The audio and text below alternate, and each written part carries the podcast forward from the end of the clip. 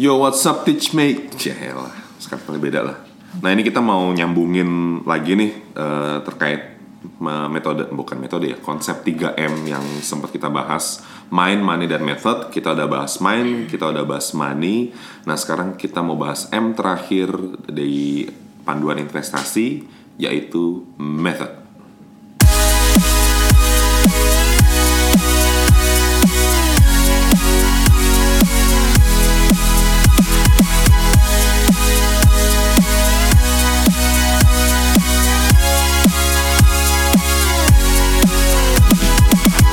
ini kayaknya bagian yang seru nih Kita ngomong method sama juga eh, oknum-oknumnya Bersama Mbak Popi Oknum ya. Dengan Mas Domi Hai teachmate. Hai. Semoga kalian gak bosen ya mendengarkan apa Tentunya namanya? tidak bosan. Pede banget ya. Mudah-mudahan tidak bosan. Tenang aja ini yang M yang terakhir kok.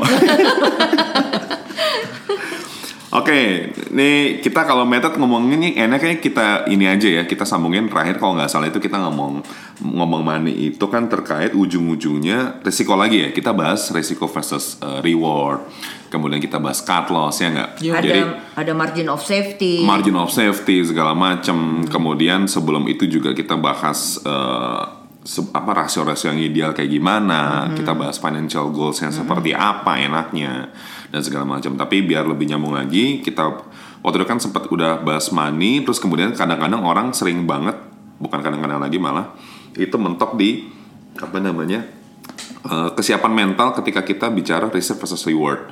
Yang intinya ya kita udah main udah siap, money udah siap, ternyata pas masuk ke investment, ketika kita mau eksekusi, ternyata sering banget kita nggak siap ya akhirnya ya balik lagi ke main. Tapi balik eh, kalau misalnya udah kita udah siap secara eh, maninya, kita udah tahu risk versus reward berapa waktu itu satu banding tiga ya. Iya. Satu banding tiga, kemudian margin of safety 50%, cut loss harus 10. ada maksimal 10. Nah, sekarang kita mau lanjutin lagi nih terkait eh, risk versus reward tadi. Kenapa sih risk versus reward tadi ada? Kan sebenarnya kan balik lagi ke eh, ada satu konsep yang namanya diversifikasi ya. Iya, setuju. Diversifikasi Eh, pasti ada beberapa dari teachmate pernah dengar yang namanya eh, istilah don't put all of your eggs in one basket ya. nggak? Itu bahasa Jawa kan ya? Bahasa Jawa, don't put your eggs in one basket. Jadi eh, kalau bahasa Indonesianya kan jangan lo terima, eh, lo jangan apa Naruh namanya naruh telur-telur lo itu di satu keranjang aja. Kenapa? Karena once keranjangnya jatuh atau keranjangnya hilang, Pecah semua telur lo. either pecah semua atau telurnya hilang semua. Hmm. Makanya ya kalau mau ya satu satu telur satu keranjang atau berapa berapa Hmm. keranjang gitu. Nah itu kan sebenarnya konsep diversifikasi, diversifikasi ya. Iya, betul. Nah sekarang ketika kita bicara tentang investasi di financial asset atau di portfolio investment itu metodenya eh, atau implikasinya itu seperti apa sih? Em, sebenarnya ini nyambung nyambungin aja sih ya supaya teachmate kalau dengerin dengerin apa podcastnya tahu-tahu masuk di method dulu juga nggak kehilangan kehilangan arah juga gitu. Da- dari yang pertama dulu kita bicara eh, risk appetite, kenalin risk appetite kita, abis itu kenalin financial goalsnya di Spotify apa di ngerti yang sebelumnya lagi. Nah, jadi intinya yang tahu investasinya mau seperti apa ya teachmate lagi loh gitu. Jadi eh, tentuin dulu time horizonnya mau seberapa panjang, tentuin dulu risk risk, risk appetite-nya mau diinvestasiin ke mana aja segala macam. Itu ya lu lagi gitu, bukan bukan orang lain yang nentuin gitu. So eh, bisa dibilang kalau antara mau equity kah, mau bonds kah, mau reksadana kah, mau apa aset yang bersifat fisik dibikin proporsional aja. Dibikin proporsional Dibikin ya. proporsional aja sesuai time horizon lo, sesuai tujuan berinvestasi lo, sesuai dengan risk profile lo yang seperti apa. Oke, jadi kan eh, kalau misalnya kita bicara terkait financial asset itu kan sebenarnya kalau nggak equity ya bonds gitu kan. Reksadana. Reksadana Ada ya, tiga kalau ya. reksadana kan sebenarnya kan ya gabungan ada yang reksadana equity, reksadana yang bonds, derivatif juga sama, ETF juga sama, bla bla bla bla. Tapi itu tetap juga eh, terserah lah lo mau lo mau equity semua, mau bond semua, mau proporsional, yang penting sesuai Semua tujuan, tujuan, sesuai time profile, horizon. sesuai time horizon. Yes. Gitu ya. Kalau time horizon juga sesuai tujuan sama risk profile. Jadi Iya. misalnya yang kalau nggak salah dulu kita sempat bahas ya, maksudnya yang terkait opportunity cost gitu. Iya. Kita mau target tujuan kita lima tahun. Tapi ya udah berarti dalam lima tahun itu kita harus tahan godaan untuk ngambil return, untuk jual portfolio, pokoknya sampai tujuan kita dalam lima tahun itu tercapai. Dan itu tetap harus ketika kita mulai diversifikasi terkait equity sama bonds ya itu juga harus disesuaikan juga gitu. Nah waktu itu sempat eh, Mas Mas Domi ya, eh, lu waktu itu Kaget gitu gue. Kayak gimana gimana? Iya, dia dia abis melihara saham nih hari ini. Bismillah. Nah ini kayaknya mainan lo banget nih kan sebagai sahamiah. Sahamiah. Oke. Portofolio maksimal jumlah nih waktu itu kan kita kan ngomong eh, rasio ya MOS margin of safety. Tapi terkait jumlah waktu itu kan kalau nggak salah sempat sempat bilang Dia nggak nggak ya nggak nggak ya. nggak ada nggak ada patok-patokan tapi kalau dari dari lo sendiri lima ya. Ya. Emang sebenarnya maksudnya ya, ngaruhnya di mana sih? Satu, dua, tiga, empat, lima, sepuluh, dua puluh itu nanti ngaruhnya akan di mana sih sebenarnya? Oh, oke. Kalau kita ngomong terkait diversifikasi ini ya, Yes, yes. kan tadi misalnya don't put your eggs in one basket. Ya. Nah, X-nya itu berapa gitu sebenarnya? Oke, nih thank you. Tapi by the way, ini gue minta maaf dulu karena lagi lagi kurang enak, lagi hujan dari pagi gitu Oke. ya. Oh, gitu Jadi, ya. oke, mudah-mudahan nggak nggak nggak nurunin tempo, cil. Iya, berarti saham yang yang paling laku dibeli sekarang adalah saham yang obat-obatan kali ya. Eh, Kalbe. Kalbe. Kalbe. Jadi Disclaimer on. Disclaimer on. hujan soalnya hujan. sama Indomie kali. Oh iya bener. gitu ya. Tapi anyway bener banget nih. Jadi kalau eh, kita kalau boleh eh, tarik garis merah- merahnya gitu ya. Yang pertama kita udah ngerti mainnya, basic basic eh, apa namanya, basic pemikiran investasi yang tepat seperti apa, udah nyiapin duitnya. Ya tentu saja cara te- step yang terakhir yang perlu kita sama-sama langkahin adalah tentang metodenya, gimana sih caranya gitu ya. Dan memang paling tepat dan paling benar tadi yang Mas Banyu bilang dimulai dari diversifikasi. Nggak boleh nih kita beli satu produk terus kita ngarepin dari sana gitu kan. Kalau pakai teorinya tadi, kalau telurnya hilang ya hilang semua gitu, keranjang hilang hilang semua atau pecah Yeah. pecah semua. Jadi sebetulnya dibutuhkan diversifikasi. Jadi kalau saya pribadi sebagai orang yang saham iya, memang untuk beli sahamnya juga nggak akan nggak pakai metode yang pindah gunung beli gunung gitu ya. Beli Apa banyak- tuh? Jadi kayak beli satu saham all all apa all cash basis gitu kan satu saham terus sahamnya naik beli lagi satu saham yang eh, selu- dengan porsi seluruh cash kayak gitu-gitu nggak Apa sehat tadi lu juga. bilang pindah apa? Pindah. Kalau kalau Beli bahasa gunung? bahasa ja- bahasa jalanannya kayak beli gunung pindah gunung. Oh oke beli gunung, Beli gunung, pindah Nah, saya punya punya duit 10 juta. Oke. Oke, 10 jutanya saya beliin saham ini. Udah naik tuh saya jual. Terus saya beli lagi 10 juta saham ini gitu ya. Oh, Itu oke. se- selain ngerusak mental investasi dan itu berdasarkan pengalaman nggak nggak nggak ngebus porto kita jadi tambah bagus juga sih. Oh, gitu Oke ya. oke. Jadi sebetulnya tujuan dari di- diversifikasi ada dua garis besarnya, yaitu memitigasi resiko, ngebatasin resiko gitu kan. Yang kedua yang penting adalah ini untuk mendukung performa eh, cuan kita justru mendongkrak cuan kita dengan diversifikasi gitu ya. Termasuk kalau tadi di- disinggung, kalau saya pribadi kalau di saham saya diversifikasi nggak sih? Ya iyalah. Yang pertama saya diversifikasi dulu saham yang mana untuk untuk saya invest, mana eh, saham mana yang untuk saya tradingkan gitu Oke. ya. Dengan porsi yang tadi dibilang bahwa kalau saya paling banyak itu paling banyak ini kita ngomong paling banyak ya. Itu 5 lima, lima saham di Porto. Jadi kalau paling banyak 5 berarti masing-masing porsinya untuk satu saham adalah 20% gitu ya. Jadi maksimal saya beli saham ini 20%, 20%, 20%. Tapi itu kalau 5. Nah, kalau saya pribadi memang biasanya cuma tiga atau dua bahkan empat saham paling banyak sih gitu ya. Karena kenapa? Untuk porsi tiga, eh, tiga apa 60% which is untuk untuk tiga saham saya biasanya taruh untuk di, di porsi investment gitu. Oke. jadi kan harusnya 5 tapi kan 20 20 20 saya ikat satu saya belikan satu saham yang memang porsinya untuk investment. Baru sisanya berarti kan saya punya 40% which is itu dua, dua apa dua saham. Nah dua saham itu yang memang saya pilih ketika saya ingin trading. Ngilernya mau trade apa eh, lagi ngiler trading gitu-gitu sih. Jadi kalau dengan konsep itu ya berarti cuma ada tiga saham di Porto nih. Tiga satu saham untuk investment satu saham untuk eh, dua saham untuk trading. Karena memang ini best practice juga dari temen sih gitu. Saya punya temen juga terus dengan kita start bareng-bareng gitu kan. Terus dia cuma beli saham-saham yang untuk layak invest aja yang bagus-bagus aja terus saya tradingkan nih semua ini. Di penghujung tahun ya memang saya saya memulai pengalaman investasi saya, saya dengan lo sih. Ini saya jujur saya akui. Terus teman saya yang nggak belajar apa apa pun gitu kan yang nggak nggak nggak apa namanya nggak nggak kelihatan mau uh baca ini baca itu kan. Tapi yang penting pilihan sahamnya secara fundamental untuk diinvest dan porsi untuk tradingnya kecil banget di ujung tahun portonya dan porto dia nambah porto saya enggak gitu. Jadi saya belajar dari dia juga.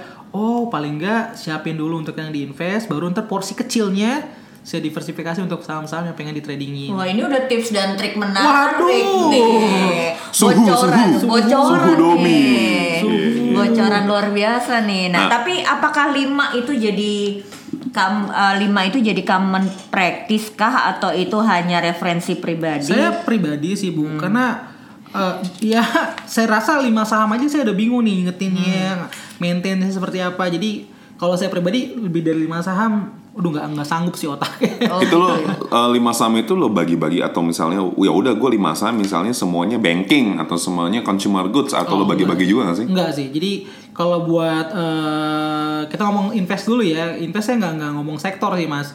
Saya Oh. ngomong dari perusahaan ya adalah teknik pribadi yang saya cari untuk pilih perusahaan. Iya, Waduh. nggak di share Rahasia perusahaan, rahasia dapur. Kalau pengen tahu ke Teach Me aja. Ada lah tapi memang untuk yang yang trading pun memang nggak nggak kita nggak ngomong sektor yang memang kita lihat ya kita ngomong sektor lah Eh, kuartal ini misalnya sektor apa sih yang menarik gitu kan bulan depan bisa beda lagi gitu. jadi nggak nggak ada patokan sektor mana sektor mana sektor mana sih Jadi misalnya taruh lima, misalnya kalau kita lima saham eh, itu misalnya banking semua, ya ketika banking lagi bagus ya bagus. Bagus. Tapi ketika lagi anjlok misalnya, Anjlok semua misalnya juga. kenapa anjlok semua gitu ya? Tapi berarti berani cut loss dong ya, Oh, kayak oh. pembicaraan kita kema- ta- eh, Oh, terakhir dong betul. ya, cut loss ya. memang kalau kalau kalau lo ngerasa dan lo mengapa namanya meng- menyebut diri lo sebagai seorang trader cut loss tuh wajib lah. Kalau emang salah posisi ya cut loss apalagi sih. Oke, jadi eh, ketika kita bicara diversifikasi, tetap ada beberapa beberapa pertimbangan yang harus kita masukin faktor di sektor mana kita invest ya. Yes, Karena tadi misalnya ya kalau kita semuanya di sektor yang sama ya nggak ada diversifikasi di sektor itu gitu. Jadi tetap harus ada. Oh ya udah nih misalnya ada yang di banking, ada yang di consumer goods. Jadi kalau banking lagi lagi jelek ya consumer goods misalnya nggak terlalu ngaruh ya Iya. aman amannya di situ gitu ya kurang lebih ya. Contoh sederhana juga sih sebenarnya ya kan saya bilang bahwa ya relatif 60% dari aset saya ada di di portfolio saham. Cuman kalau dari total portofolio investasi saya sebetulnya ada sebagian kecil yang saya taruh misalnya, ini kita ngomong nggak apa-apa ya, saya taruh di dolar gitu, di kita ngomong forex lah, Iya. gitu sebagian kecil aja bu. Jadi fungsinya buat ya buat diversifikasi tadi, hedging tadi. Jadi kalau once pasar modalnya lagi santai-santai aja nih, biasanya berbanding terbalik sama misalnya currency-nya, currency-nya lagi up. Nanti kebalikan kalau currency-nya lagi di situ-situ aja, pasar modalnya lagi up. Jadi portofolio saya tuh dua-dua dua-duanya sama-sama tumbuh sih. Ini berarti diversifikasi level tinggi nih. Level tinggi. tapi tapi eh, di eh, episode terakhir kita juga udah sempat mention ya bahwa portfolio itu tidak melulu harus di financial asset ya. Betul. Ya. Gitu. Bisa juga di aset fisik dan aset yang lain-lain juga. Oke, tadi menarik tuh kenapa 5 ya karena sebenarnya kalau kita bicara investasi ideal sebenarnya untuk beli satu saham aja kan sebenarnya pertimbangannya macam-macam ya. Iya. Kita harus pelajari fundamentalnya, kita kenal uh, bisnisnya seperti apa, iya. laporan keuangan seperti apa. Satu aja ribet apalagi 5, apalagi 10, Betul. 20 gitu. Nggak ada teori yang bilang bahwa semakin banyak lo punya saham semakin cuan, nggak ada juga. Jadi semakin saham semakin baik itu ya belum tentu juga ya, tentu tergantung juga. kemampuan kita juga. Betul mas. Atau kayaknya kayak kayak misalnya ada misalnya gua nih, misalnya gua eh, tertarik sama sa- eh, saham yang cukup banyak gitu. Atau kayak gua kayaknya lima gua merasa kurang aman nih diversifikasinya. Eh, apa kita ini aja ya lebih baik lebih baik ke produk lain kayak misalnya ETF apa reksadana gitu nggak sih sebenarnya? Eh, nggak dilarang juga. Balik lagi loh balik lagi tentuin.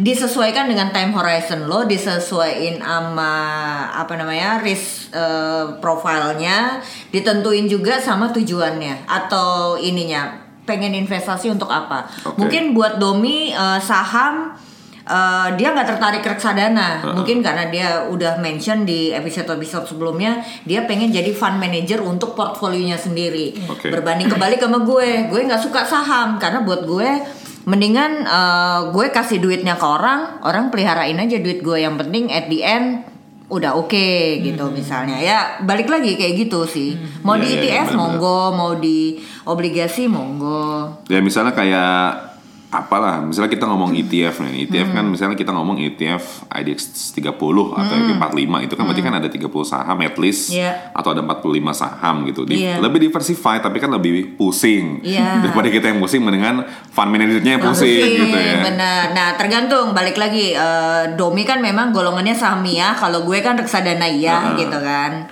Oke, nah sekarang kan kita kita ngomong eh, dari sisi portofolionya ini dong, Iya, Mbak yes. Dari sisi diversify gimana eh, portofolio eh, isinya misalnya saham A, saham B, saham C, gimana eh, apa namanya eh, kita bagi-bagi risikonya. Nah sekarang kita bicara terkait eh, time horizon nih.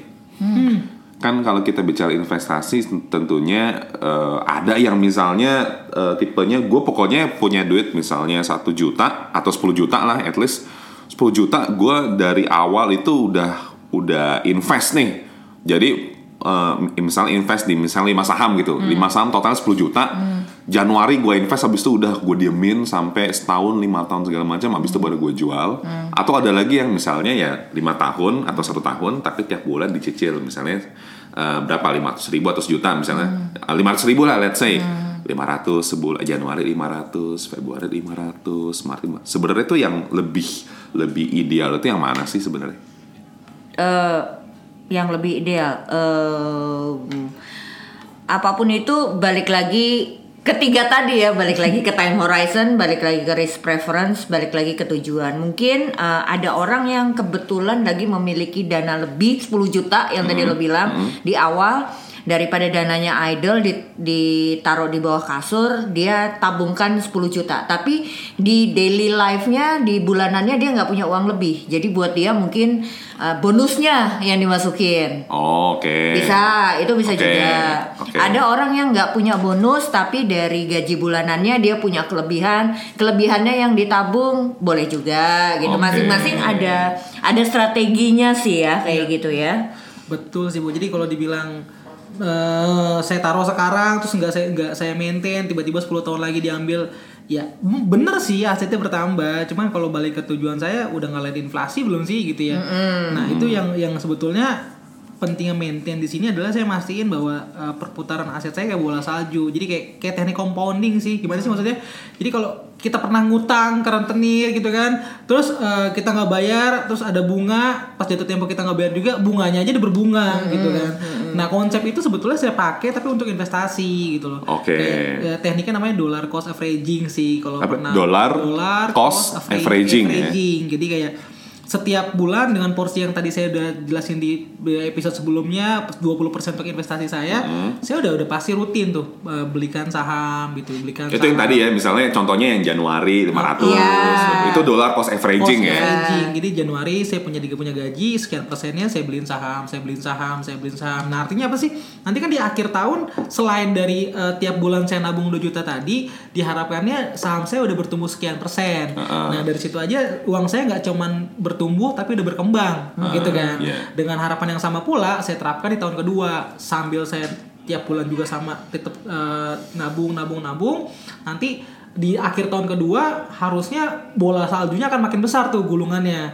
Karena kan di tahun pertama udah ada bunga terus tahun kedua bunganya ada bunganya lagi ada pertumbuhan aset lagi. Jadi ya itu yang eh, saya terapkan selama ini sih mas tapi memang balik lagi nggak ada yang paling bener nggak ada yang paling Betul. baik sesuai selera sih mas Iya. Iya, iya. Tapi kalau kita misalnya kita waktu kan kalau nggak salah lo sempat ngomong yang terkait gimana kita shifting dari saving society ke investing society.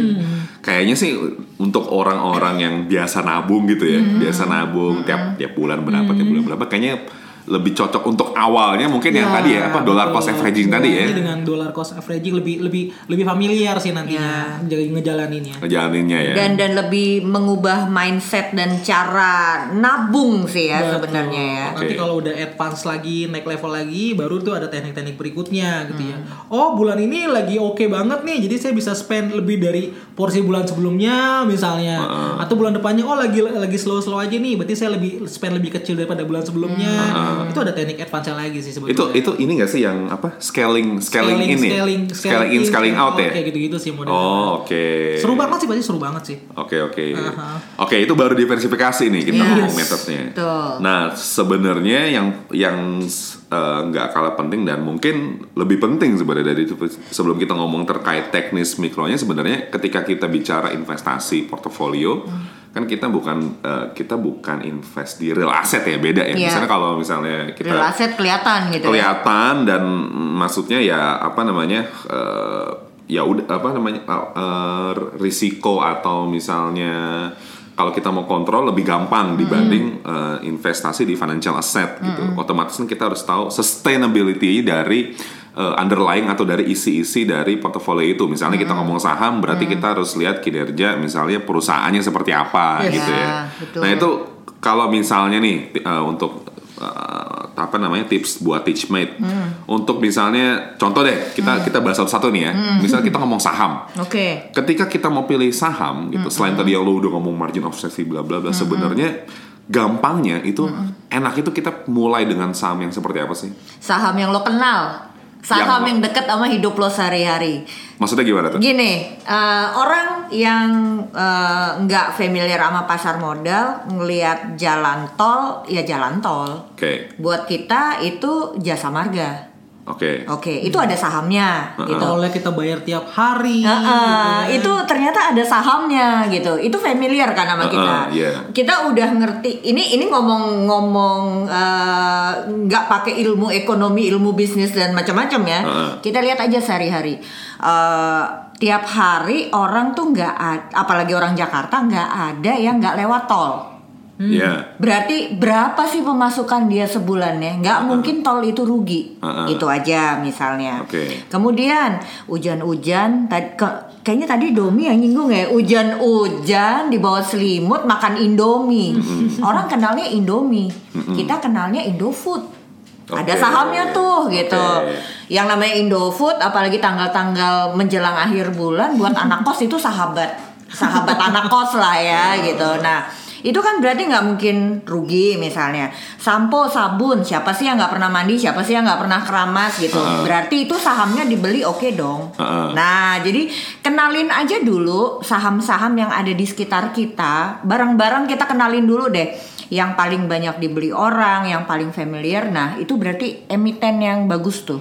Atau bisa gini juga nggak sih Bapak eh, misalnya misalnya gua nih kebetulan kerja di Bank Mandiri gitu. Hmm. oke Harusnya kan otomatis gua lebih kenal Bank Mandiri dibanding orang lain dong karena gua adalah karyawannya. Betul. Gua tahu Bank Mandiri mau ngapain, produknya apa aja dan kebijakannya apa aja. Ya udah berarti gua mulai dengan punya saham Bank Mandiri. Boleh. Gitu juga ya? Boleh juga ya? Boleh, boleh banget. Apa pun pendekatannya, intinya adalah beli saham yang familiar sama kehidupan kita sehari-hari deh. Ini buat yang awal banget ya. Oke, oke. Buat yang mungkin udah mulai agak advance gitu. Mungkin bisa meluangkan waktu kan eh, di beberapa eh, episode sebelumnya kita bilang do your own research kan ya. Nah berarti itu eh, mulai dong belajar bisnis. Kenapa sih kita harus belajar bisnis gitu ya? Karena kita bakal ngenalin nih, oh Indonesia tuh sekarang lagi tahap pembangunan misalnya, terutama infrastruktur. Nah, jadi kira-kira saham-saham apa ya yang berkait sama infrastruktur? Nah, ini kan berarti pasti berkembang nih. Iya. Nah, kayak gitu-gitu gitu. Atau misalnya eh, eh, posisi posisi keuangan kita itu lagi lagi Tekor apa ya? nggak? Lagi tekor enggak atau gimana-gimana kondisi Indonesia segala macam. Jadi Oh, justru kalau pada saat ekonomi lagi slowing down misalnya, justru harga saham tuh lagi diskon kalau istilahnya Heeh. nih, ya kan? Heeh. Nah, lagi mosnya tuh lagi gede banget nih, lebih Iya. dari 50%. Justru itu saatnya yang baik untuk invest Oke, misalnya. jadi sebenarnya gimana ya? Kalau misalnya bener nggak sih eh, logika bahwa ya udah lo lo mau invest nih misalnya mau saham, mau obligasi, mau reksadana, you name it, ya berarti mau nggak mau lo harus eh, punya knowledge, basic knowledge atau eh, basic experience Betul. terkait misalnya finance atau, bisnis gitu ya. Ya, tapi nggak perlu lo belajar jadi anak ekonomi juga kan. Lo bisa baca di online, lo bisa baca koran, lo bisa nonton, lo bisa Denger denger podcast. podcast gitu, apa pun itu. Tapi do your own research kan. Oke oke Gitu. oke. Jadi b- bagi teachmate yang sebenarnya punya apa ya punya background di finance atau punya background di bisnis sebenarnya punya privilege ya. Banget. Gitu. Tapi nggak nggak nggak apa namanya nggak nutup kemungkinan teman-teman di luar finance atau ekonomi Benar. bisa. Selama mereka mau gitu ya. Betul. Mereka mau belajar gitu ya. Betul. contoh ya contohnya nggak jauh-jauh saya sendiri gitu ya saya nggak nggak punya background major ekonomi atau bisnis tapi learning by doing ternyata nggak sulit-sulit amat kok karena sebenarnya relate banget sih sama kehidupan kita sehari-hari juga sih mas. Con contoh misalnya gitu ya gimana sih cara ngeliat laporan keuangan? Ih gua gua ngeliat aja udah angka semua udah udah pengen Males muntah banget gitu ya. tapi ternyata pas saya pelajarin nggak nggak sulit-sulit amat sebetulnya pakai apa apalagi pakai yang namanya rasio. Nah kita ngomong teknik sedikit nih ya. Kita ngomong rasio. Jadi cuman ngebandingin antara misalnya contoh sederhana boleh nggak sih? Agak panjang sih contohnya. Boleh, nggak apa-apa. Nggak dilarang kok. nggak masalah ya. Jadi kayak misalnya kita mau ngebandingin kinerja se- eh, dua buah perusahaan gitu ya. Ya kita pakai rasio-rasio pakai rasio yang sederhana misalnya rasio per price earning ratio. Sederhananya cuma ngebandingin antara harga di market dia sama eh, kemampuan dua perusahaan itu ngeba- ngasilin keuntungan cuman ngebandingin itu aja sebetulnya udah bisa menggambarkan ya kira-kira laporan keuangannya bagus apa enggak gitu aja sih sebenarnya Oke oke oke. Nah tadi kan kita mulai dengan emiten berarti yang familiar gitu Iya. ya. Nah ah, misalnya nih contoh ada misalnya gua gua familiar dengan eh, let's say 20 emiten 20 saham itu kan banyakan kan. Sedangkan Iya. gue cuma cuma pengen 5 Filter berikutnya apa sih saham? Oke saham saham familiar oke. Terus kalau misalnya kita mau kita filter lagi sebenarnya, oh kebanyakan nih gue punya saham yang familiar 20 tapi sedangkan gue cuma pengen 5 gitu. Cara gampangnya itu milih sahamnya seperti apa tuh selain yang familiar? Em, kalau di bursa efek itu udah ada penggolongan eh, beberapa kelompok saham yang eh, keren-keren. Misalnya kayak LQ45 kah atau misalnya ada IDX 20 Mm-mm. atau kalau misalnya kita ke saham syariah misalnya kita bisa pilih ke JII misalnya Eh, itu kan udah jadi eh, saham yang familiar udah gitu kita lihat tuh di situ oh berarti dia eh, performancenya oke loh Oke. Oke loh, karena perkelompokan itu biasanya direview sama bursa Heeh. itu per enam bulan sekali.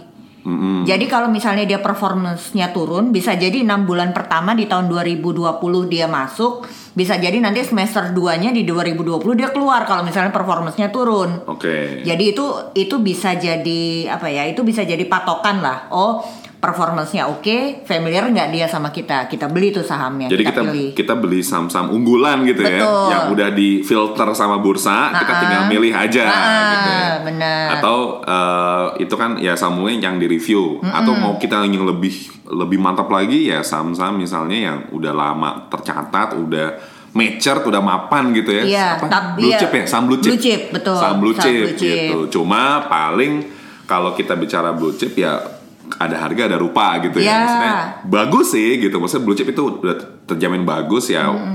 Ya intinya lo bisa invest uh, dalam jangka waktu lama lah. Cuma Ya. em- memang dari sisi harga pasti mahal. Betul. Itu kan Nah. kenapa kita harus belajar ya kita gim- uh, gimana caranya biar nemu saham yang murah tapi nggak murahan gitu kan. ya. Kalau blue chip kan ya Mur- saham yang bagus gitu uh, nggak murahan tapi kan nggak murah. Betul. gitu. Intinya sih balik lagi, mungkin kalau saham-saham blue chip bisa diposisikan kayak kalau nyontek eh, strateginya Domi Uh-uh. bisa diposisikan untuk diinvest.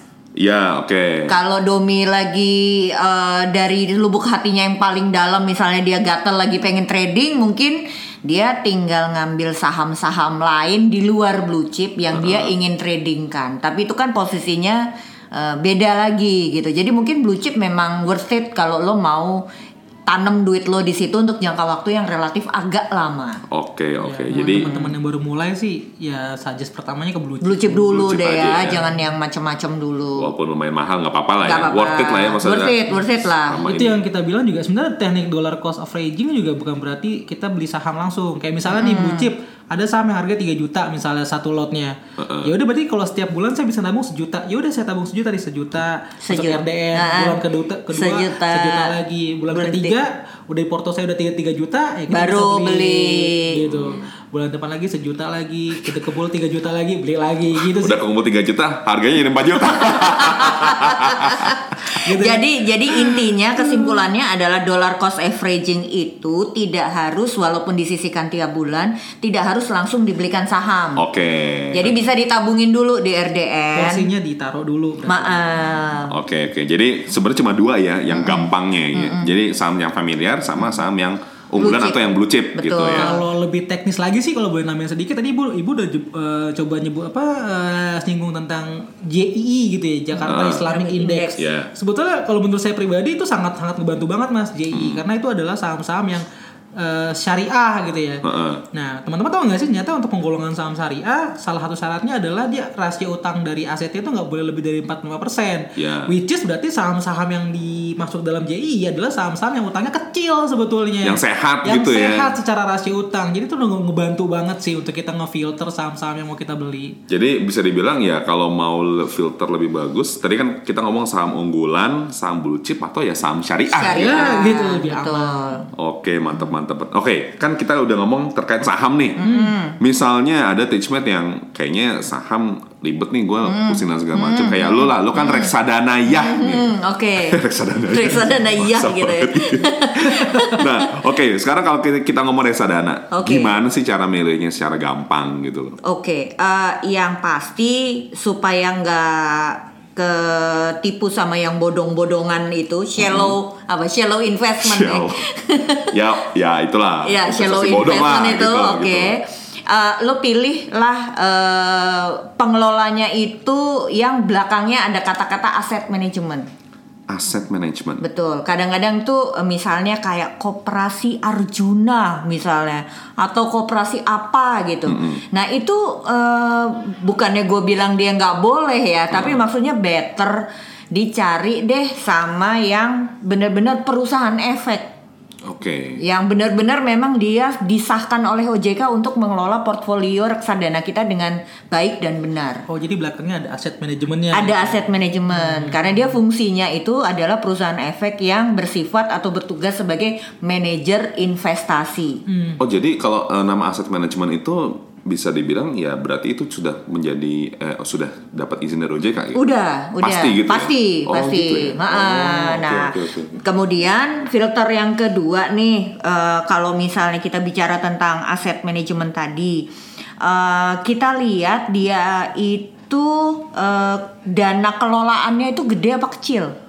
Dana kelolaan. Nah, atau kalau singkatannya biasanya kalau di prospektus atau di internet atau di webnya itu biasanya disingkat AUM, Au- uh, Asset Under Management. Aset under Oh iya Management. dana kelolaan ya. Dana kelolaan bahasa management ya. Indonesianya. Ha, Nah itu pilih AUM-nya besar. Kalau AUM-nya kecil, takutnya dia mungkin memang uh, aset manajemen yang baru berdiri, Uh-uh. gitu kan. Jadi uh, better lebih aman kalau AUM-nya itu memang sudah besar Oke. gitu. Kemudian yang ketiga balik lagi nggak bosen-bosennya gue akan bilang sesuaiin time frame-nya, sesuaiin sama risk profile-nya, sesuaiin sama tujuan investasi. Kenapa gue ngomong gini? Karena ternyata di reksadana itu ada penggolongannya juga.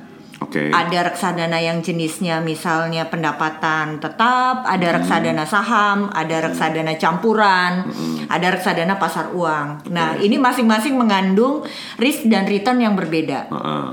Risk Kal risk, risk dan return yang berbeda. Makin Hmm. kecil risknya, returnnya juga makin kecil.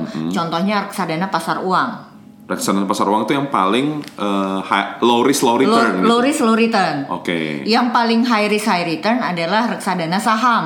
Oh jadi ini kayak isinya apa gitu ya reksadananya ya? Oh, kan kalau reksadana itu ibaratnya kayak kita bikin rujak gitu ya. Bener. Jadi misalnya kalau kita ngomong saham, kita investasi saham ya udah kita beli buah jeruk sendiri, buah Mangga apel. sendiri. Ya misalnya tadi Domi eh, ada lima Nah-ah. sahamnya, Lima buah dia lima punya. buah, buah buah jeruk, apel, anggur, salak, duren Eh, gitu. Oke. Nah ini Sedangkan eh, kan pusing tuh eh, untuk milih-milihnya. Ya udah daripada pusing ribet. dan mahal. Pusing dan mahal ya. Pusing dan mahal karena belinya kalau saham kan harus satu lot. Oke. satu lot, sedangkan harga per lembar sahamnya berapa gitu. Oke. Ini kaum reksadana ya berbicara ya, Siap. mohon maaf ya. nah jadinya kalau misalnya eh, dari sisi domi dia beli buahnya eh, minimal satu lot eh, sedikit dan mahal. Keuntungan dari reksadana adalah reksadana ini udah dibikinin rujak yang isinya lebih banyak dari buah yang dimiliki domi Oke. gitu kita benar-benar udah tinggal uh, kasih duit di RDN kita yang dikelola oleh si aset manajemen tersebut rujaknya udah jadi Oke, jadi yang kalau misalnya buat buat apa namanya buat pemula, mungkin reksadana pasar uang jadi bisa jadi awal awal Yes, investasi ya. betul. Karena, Karena dari sisi risikonya re- eh, apa namanya kecil banget ya. Iya. Ya walaupun returnnya juga nggak segede yang lain. gitu ya. betul Ya, enggak nyoba dulu. nyoba dulu nanti kalau misalnya udah kenal rasanya pasar modal itu kayak apa oh enak ya aman ya gitu kalau misalnya tetap mau bertahan di reksadana silahkan bisa ditingkatkan ke reksadana campuran kah atau pendapatan tetap atau saham? Atau mungkin bisa berpindah menjadi seorang sahamiah kayak domi? Gitu. I- i- silakan aja. Ada lagi nggak sih yang yang kayak yang kayak pasar uang? Jadi maksudnya yang relatif risikonya itu kecil gitu loh. Hmm, kalau kita ngomongin reksadana enggak ya. Reksadana cuma itu. Atau ETF kali kalau lo mau. ETF. ETF Bedanya apa kalau sama reksadana yang biasa? Em, ETF itu eh, hasil perkawinan antara saham sama reksadana. Wah, maksudnya gimana tuh? Oke. Menarik nih perkawinan perkawinan Jadi, nih. Kalau saham, Domi hanya bisa beli di eh, online tradingnya saham Di pasar reguler. di pasar reguler. Heeh. Kalau reksadana, lu beli di aset manajemen Yang tadi. yang tadi gitu ya. Nah orang tuh kadang-kadang pengen reksadana, tapi pengen fleksibilitas kayak yang dimiliki Domi. Oh, Karena Domi tuh bisa beli jual, bisa pantau harga, itu de- simply cuma dari handphonenya aja, kan dan- pakai online trading system tuh dan apa namanya real time gitu ya. dan real time. Oke. Nah sekarang eh, ini di di blend nih, ini dinikahkan nih antara si reksadana dan saham. Jadi jadilah makhluk yang namanya exchange traded fund atau ETF. Exchange traded fund. Yes, jadi dia itu adalah reksadana tapi diperdagangkan juga di bursa. Oh, real oke. time. Jadi dia Fleksibel. reksadana sebenarnya. Dia sebenarnya reksadana. Cuma diperdagangkan di bursa makanya jadi kayak saham gitu ya. Betul, memiliki fleksibilitas seperti saham tapi sifatnya masih reksadana. Oke. Jadi intinya ya kalau misalnya ETF gitu ya. ETF ya udah misalnya tadi kan eh, apa eh, namanya maksimal 5 apa paling pa- paling mentok 10 gitu. Kalau misalnya wah gue kayaknya pengen ini aja deh. Pengen lebih banyak eh, diversifikasinya gitu. Mm-mm. Tapi nggak punya uang untuk membeli segitu banyak saham dalam jumlah satu lot minimal gitu dan kan? dan nggak punya waktu untuk maintain satu-satu gitu. Nah itu saran kayak ETF aja gitu ya. Kalau mau fleksibel seperti saham ETF, kalau nggak mau fleksibel dia cukup nanam duitnya reksadana murni. Reksadana murni biasa, eh, reksadana apa ya? Iya, iya. konvensional, Konvensional lah ya, ha-ha. Oke oke. Nambahin sedikit sih mas, kalau tadi kan tentang bagaimana cara memilih aset manajemennya juga gitu ya. Ah. Tapi emang kalau teman-teman pengen ke reksadana gitu ya, memang gimana sih dari sekian banyak produk reksadana, saya milih produk mana yang lebih bagus gitu kan? Memang kalau reksadana ada yang namanya fund fact sheet namanya. Fund fact fact sheet. sheet. Jadi emang eh, fund fact sheet itu apa sih? Jadi dia itu semacam summary dari si reksadananya itu. Misalnya, oh reksadana ini dikelola oleh siapa? Siapa sih bank custody-nya gitu ya. Terus track recordnya gimana sih setelah sekian lama di setelah lama di- dibuat gimana performanya bagus apa enggak sekian tahun naiknya udah berapa persen gitu kan dan memang yang lebih penting adalah di fund kita bisa tahu dana kelolaannya ini sama si fund manager ditaruh di mana Let's say misalnya kalau ditaruh di saham, disebutin tuh saham apa aja sih yang dibeli sama fund manager. Jadi teman-teman Oh, juga bisa kontrol oke. sendiri nih. Saya pengen beli reksadana yang A karena saham yang dipilih sesuai dengan saya atau saham-sahamnya bagus-bagus kayak gitu-gitu sih. Atau Mas. mau beli reksadana syariah misalnya, Iya. itu juga ada. Isinya bener-bener isinya cuma saham syariah. Ah, ah. Itu semua ada di fun fact Fun sheet. Fun fact fact sheet sheet. namanya. Ini kalau kalau salah om- ngucap nih bahaya nih. fun fact sheet. Fun fact sheet Oke ya. oke oke. Nah itu kan kita tadi udah saham udah, reksadana udah. Gimana kalau obligasi nih misalnya bonds? Ah, Oke. Cara kriterianya itu yang gampang tuh gimana milihnya? kriteria obligasi yang gampang. Eh, Eh, kalau saya sih, si- si- ibu dulu nggak apa-apa. Lihat penerbitnya boleh. Ya. Penerbitnya ya, siapa yang nerbitin obligasinya. Ah, kalau mau super duper aman pasti punya pemerintah. Punya negara. Punya Punya- negara. punya negara, obligasi negara Yang gitu diterbitin sama pemerintah aja pokoknya. Oke. Oke, itu udah paling aman. Kenapa paling aman? Karena insya Allah negara nggak pernah bangkrut ya. Oh oke, Iya kan? kan? obligasi itu kan kayak pengakuan utang. Betul. Ya kalau Nah. misalnya pemerintah ya harusnya dia nggak apa istilah default ya? Iya, nggak pernah default. Nggak nggak akan pernah default gitu, bukan nggak akan pernah juga. Ya? Nggak akan pernah bangkrut kalau bahasa sederhananya. Sangat-sangat kecil kemungkinannya. Betul. Gitu. Jadi Ah. obligasi negara yang apa namanya yang di eh, yang kita rekomen gitu ya. Hmm, kalau sudah mulai kenal obligasi, Hmm. bisa ke obligasi swasta. Berarti harus diperhatikan ratingnya. Obligasi swasta itu. Eh, obligasi yang diterbitkan oleh korporasi swasta. Oh, oh, corporate bonds ya. Corporate bonds. Oh, oke. Nah, tapi lihat dulu nih ratingnya kan obligasi ada ratingnya tuh ada yang Ah, A, A, A, A, A, A, ada yang B B B B B B B B gitu kan, ada yang C C C C C C gitu. Emang harus panjang gitu. ya kadang-kadang suka lebay gitu. Ya intinya dilihat ratingnya karena ratingnya makin bagus makin ke arah A Ah. itu eh, biasanya bunganya makin kecil. Oke. Tapi kemungkinan default atau kemungkinan bangkrut dan kemungkinan terbayarnya juga makin kecil. Oke. Gitu. Kemungkinan gagal bayarnya makin kemungkinan kecil juga. gagal bayarnya juga makin kecil. Itu Oke. sih salah satu tips. Domi mau nambahin? Udah Jadi re- udah semua. Oh maaf ya rebutan kita. Di, diembat semuanya ya, Pak. Udah semua. Sorry deh. Terus ada lagi pilihan sukuk loh kalau obligasi. Sukuk. Sukuk. Kan dari tadi kalau saham ada saham syariah. Reksadana ada reksadana syariah. Even ETF juga ada ETF syariah. Nah sekarang kalau obligasi juga ada nih obligasi syariahnya. Namanya sukuk. Oh, sukuk. Sukuk. Oh, fixed income ya. Fixed Pendapatan income juga, tetap ya. pendapatan tetap juga. Nah, fixed income ini sama ada yang diterbitin negara, ada yang diterbitin sama swasta. Oke. gitu. oke. Jadi pilihannya makin banyak sih sebenarnya kalau kita mau syariah only bisa. Kalau misalnya mau campur-campur dengan yang konven uh, bisa juga. Oke oke. Nah ini kan sebenarnya masih masih terkait sustainability ya. Iya. Tadi awalnya kita ngomong diversifikasi, sekarang kita lagi bahas sustainability. Nah ngomong-ngomong terkait sustainability nih, kan eh, lo tadi ini dom, eh, lo sempet apa namanya? Waduh, kapan nih gua jual, kapan gua beli? Eh, Kalau di reksadana kan tadi, tadi apa namanya? Ada fund exit segala macam. Nah itu cara nentuin wah ini kayaknya gue harus ganti nih sahamnya nih atau kayak gue harus ganti reksadana itu gimana sih eh, apa namanya caranya dan berapa seberapa sering sih harus kita lakukan itu gitu apa reviewnya lah gitu seberapa sering sih gitu. Oh, kita sebutnya oke. Eh, kalau bahasa saya sih ini namanya kegiatan untuk maintain portofolio gitu ya mas. Maksudnya dari dari banyak instrumen yang saya kumpulin, terus selama misalnya enam bulanan sekali saya review nih, ini portofolio nambah apa enggak sih? Itu karena penting juga sih untuk untuk eh, kita ngomong sustainability sustainability ini justru lebih penting ketika ketika kita, daripada kita ngomong eh lu cuan berapa, eh lu rugi berapa gitu ya.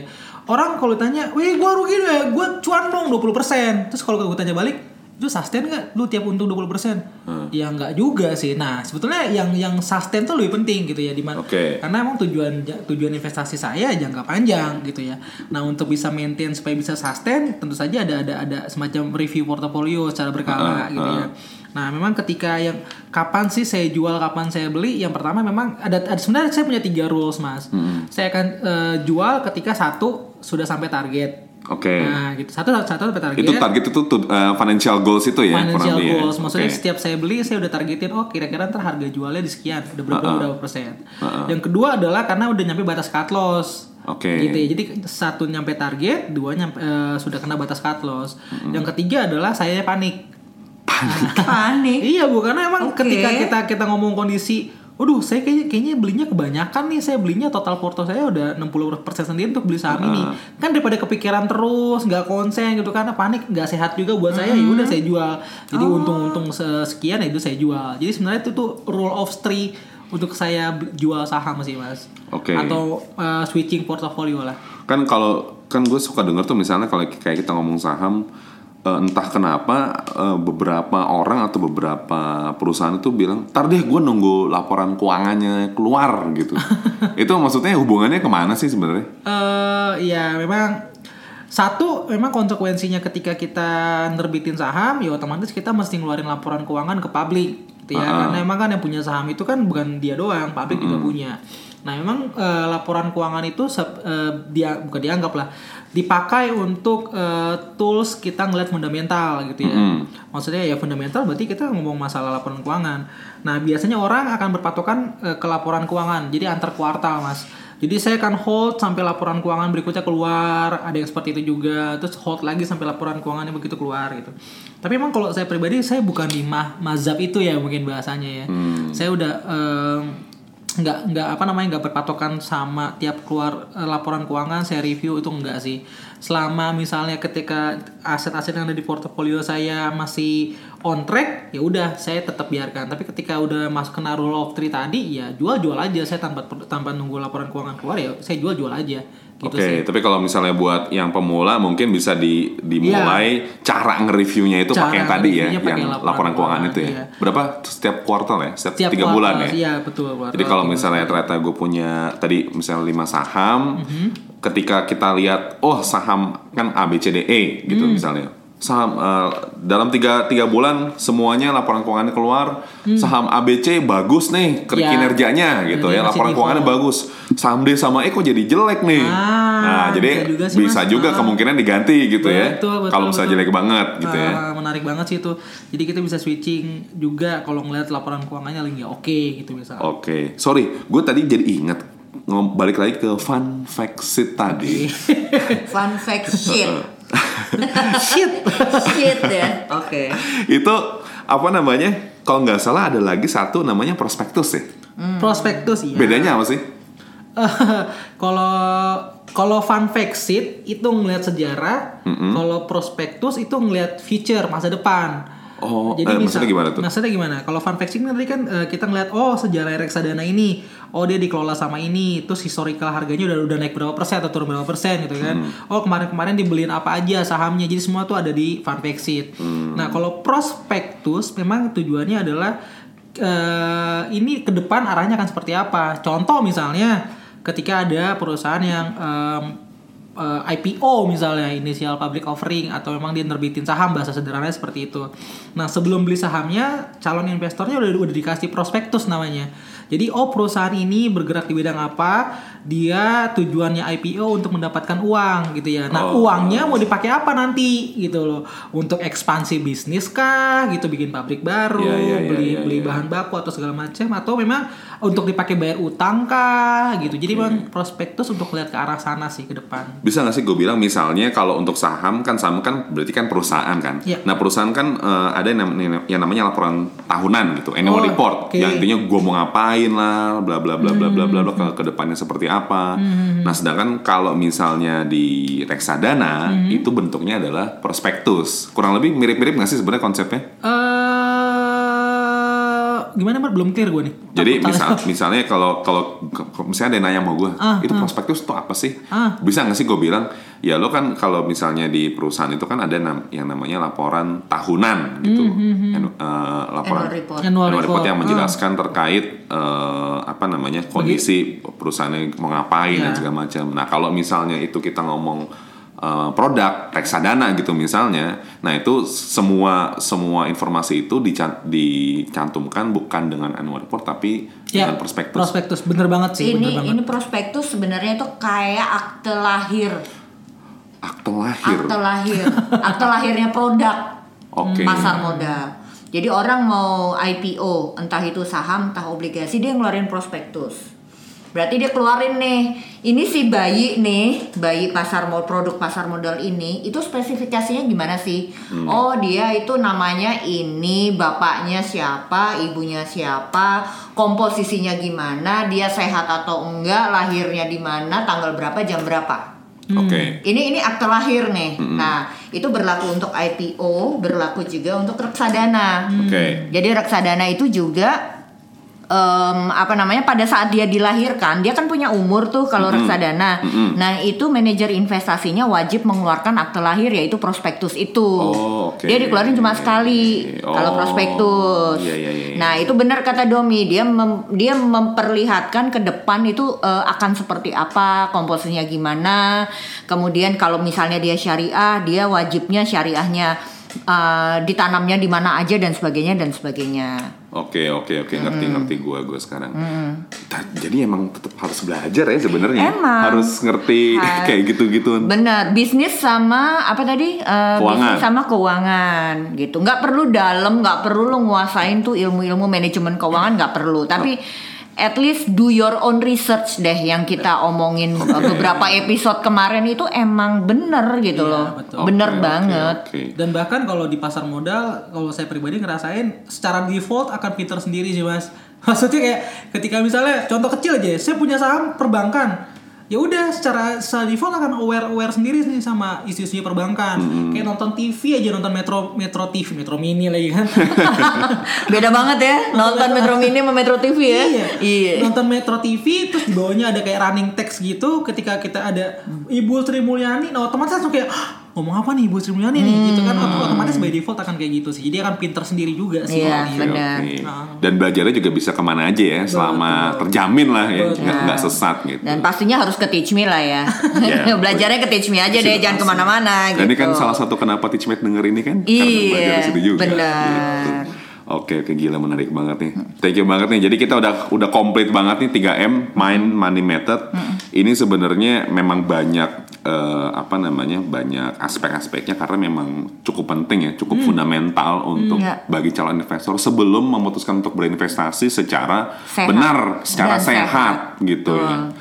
Oke oke, thank you thank you banget nih Mbak Bob, thank you banget, juga. thank you Thank you banget Mas Domi Mas. eh, sharingnya nih. Senang berbagi. Anyway sebenarnya banyak banget ilmu yang udah kita sharingin ya, mulai dari manajemen portofolio, terus eh, analisa segala macam gitu ya. Eh, kalau teman-teman mau eh, lebih jelas lagi, mungkin mau lebih lebih advance lagi, ntar kita bisa ketemu ketemuan terus ngobrol bareng atau Iya.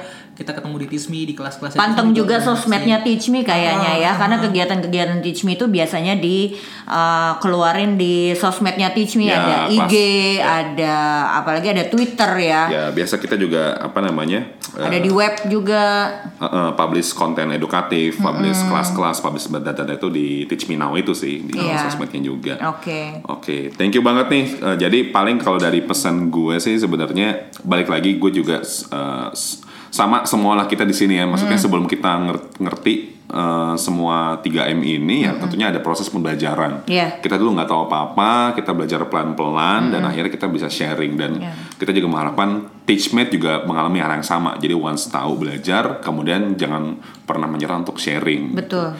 Dan terutama mulai belajarnya itu sih, karena kalau dari gue, gue mau nge-quote salah satu salah satu uh, quotes favorit gue dari Imam Syafi'i yang bilang uh, bahwa kalau misalnya lo nggak nggak tahan, uh, jika lo nggak sanggup menahan perihnya belajar, maka lo harus sanggup menahan perihnya kebodohan. Kebodohan. Dan itu selalu akan gue tanamin karena ya Betul. Gue juga sering ngalamin gitu gitu. Karena gue nggak tahu, jadi aduh perih banget gitu. Ah, jadi emang mau nggak mau gue harus belajar gitu. Dan tenang aja kita di sini bukan bukan ngajarin sih, tapi eh, kita sharing bareng ya. Hmm. Kita belajar bareng. Teachmate akan selalu ada buat teman-teman semua. Eh, Mantap. sorry, Teach Me akan selalu ada buat Teachmate. Salah Oke, kan Teachmate gue? kan selalu ada buat Teachmate luar biasa. Luar biasa. Oke, thank you banget Teachmate udah udah dengerin tiga episode kita nih. Gila luar biasa. Padahal kita awalnya harus satu ya. Iya, Iya, luar biasa lo berkembang jadi tiga. Thank you. Sip. Sampai jumpa di episode-episode kita yang tentunya nggak kalah menarik di masa depan dan di waktu yang akan dekat juga. Stay tune di podcast tercinta kita ngerti karena kita mendengar dan teach me mengerti. Assalamualaikum warahmatullahi wabarakatuh. Waalaikumsalam warahmatullahi wabarakatuh.